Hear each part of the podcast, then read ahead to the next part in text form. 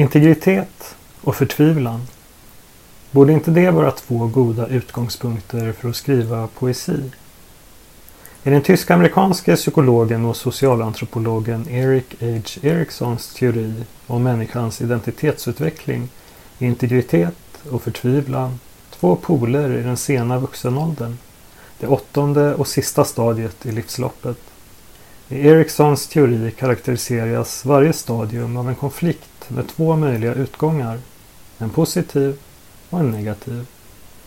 Beroende på hur man lyckas lösa konflikter och svårigheter under tidigare livsstadier kan det sista stadiet präglas av antingen integritet, som Ericsson definierar som förmågan att blicka tillbaka och se mening i sin livshistoria, eller så präglas det av förtvivlan över allt som inte blev eller gick fel och att tiden snart är ute. Jag förstår den här teorin som att ingen landar i en absolut lösning av de centrala konflikterna utan att alla pendlar mellan de här polerna med tyngdpunkten i ena eller andra polen.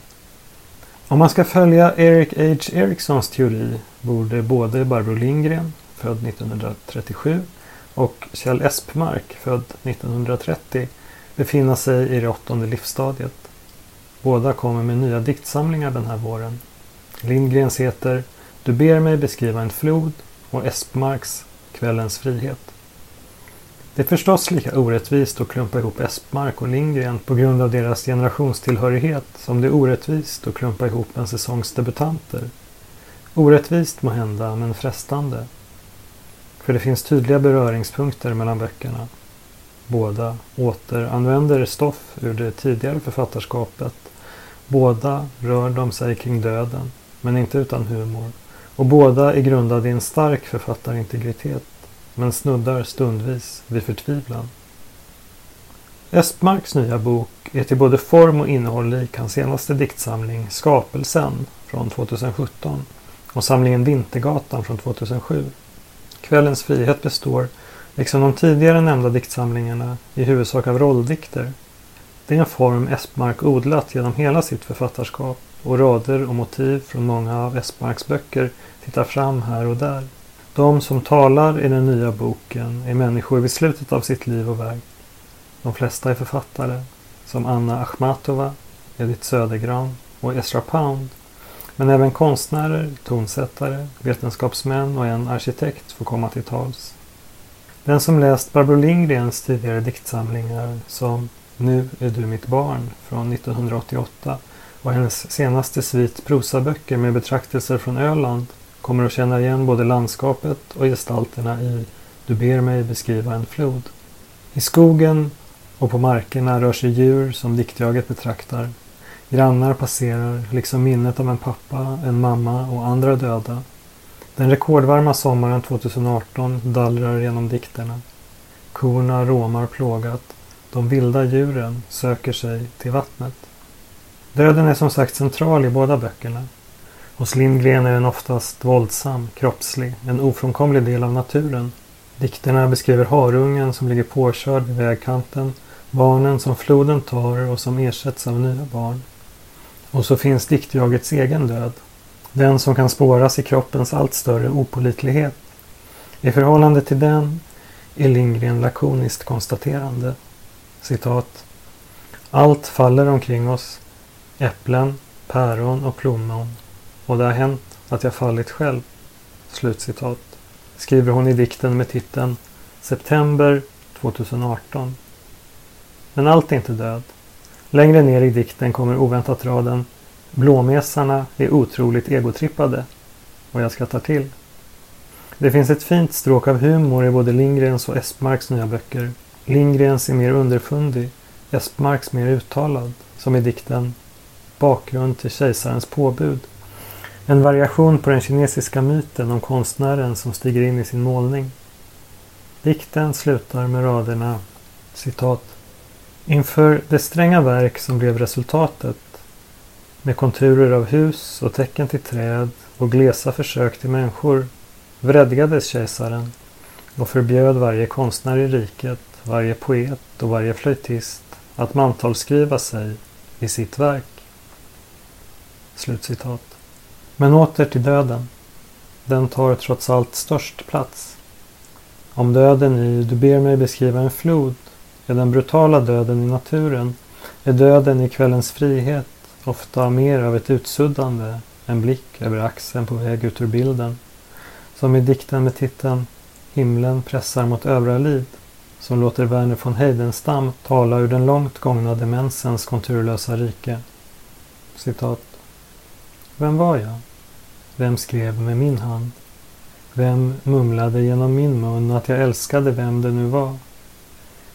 Dimman som tycks dra över Vättern drar genom huvudet på mig. Slutcitat. Lindgrens och Espmarks nya dikter krånglar inte till det. De behåller sin självklarhet ned på radbrytningsnivå. Den här avsaknaden av tillkrångling är förstås både en fördel och en nackdel. Den genomgående tonen, formen och tilltalet gör böckerna jämna. Men de blir också, paradoxalt nog, ojämna när det kommer till de enskilda dikternas kvalitet.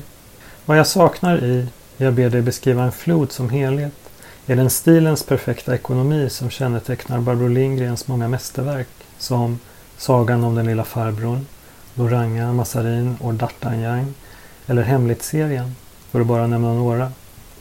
När jag läser vissa dikter tänker jag, varför fortsätter den? Det hade räckt med de första sju raderna. Eller, den här dikten kunde ha börjat på rad fem. Men så bläddrar jag och möter vissa dikter som är hjärtslitande och välavvägda. Som dikten om den försvunna katten som återfinns och sen ändå blir överkörd. Eller bokens näst sista dikt som heter Vad jag väntade på dig. Och som jag nu kommer läsa i sin helhet. Vad jag väntade på dig. Vad jag längtade. Din mun förändrades. Den sjönk in. Med stor kyla betraktade du mig, vände bort ditt ansikte när jag försiktigt närmade mig. Rör mig inte. Och jag rörde dig inte. Det är en gång för alla för sent att röra det där ansiktet. Dess kyla kommer aldrig att tina under en fingertopp. Det räcker att stanna där, i ett konstaterande som bränner av förtvivlan. Lindgrens stora tema genom författarskapet är barndomen. Tanken om den som en särskilt lysande tid i tillvaron återkommer på flera ställen i Du ber mig beskriva en flod, som i titeldikten, där det står citat ”Som när vi var barn och alltings härskare”.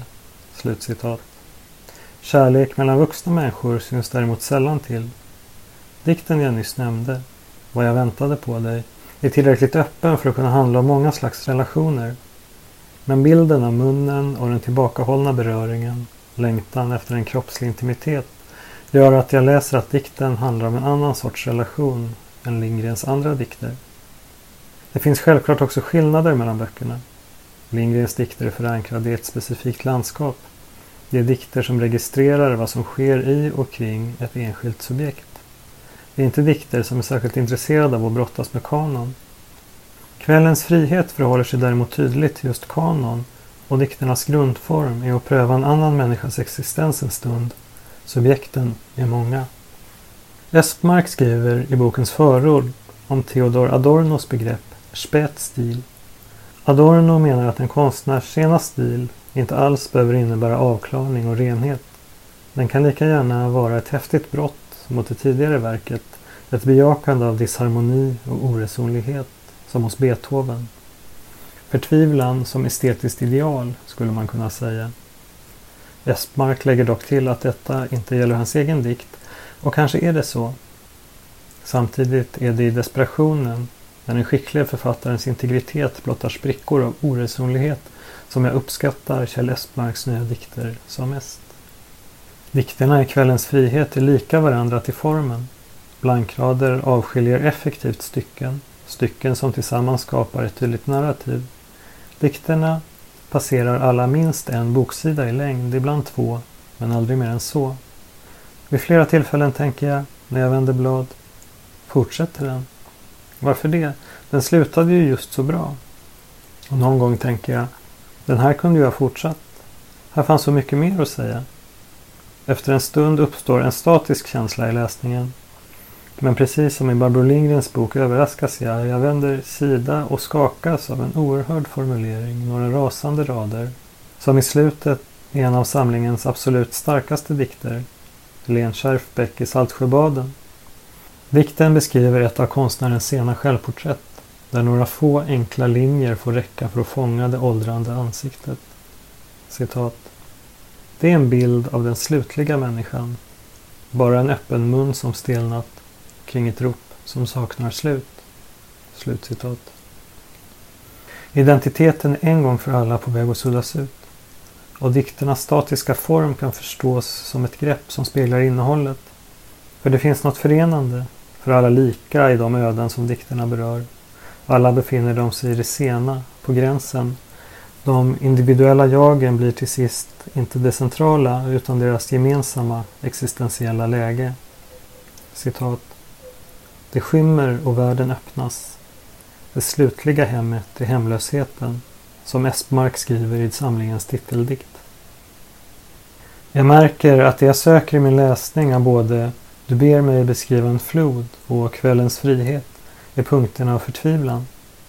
Förtvivlan har en inneboende dynamik, en vildsinthet, ett temperament som Beethovens förkastande av både harmoni och försoning i hans sena musik, vilket ger en djupverkan åt de tidigare, mer följsamma verken. Och det är väl vad jag önskar mig av båda böckerna. Kanske inte större mängd förtvivlan, men kraftigare pendling, fler branter. För konsten kan ju vara den plats där det är möjligt att ta vara på livets förtvivlan, putsa och infatta den noga och få den att skimra, att göra estetik av den. Visst glänser det stundvis som både Espmarks och Lindgrens nya böcker. Men de hade båda kunnat få den mörka juvelens lyster med ett vidare mått frihet i mästarhandlagen.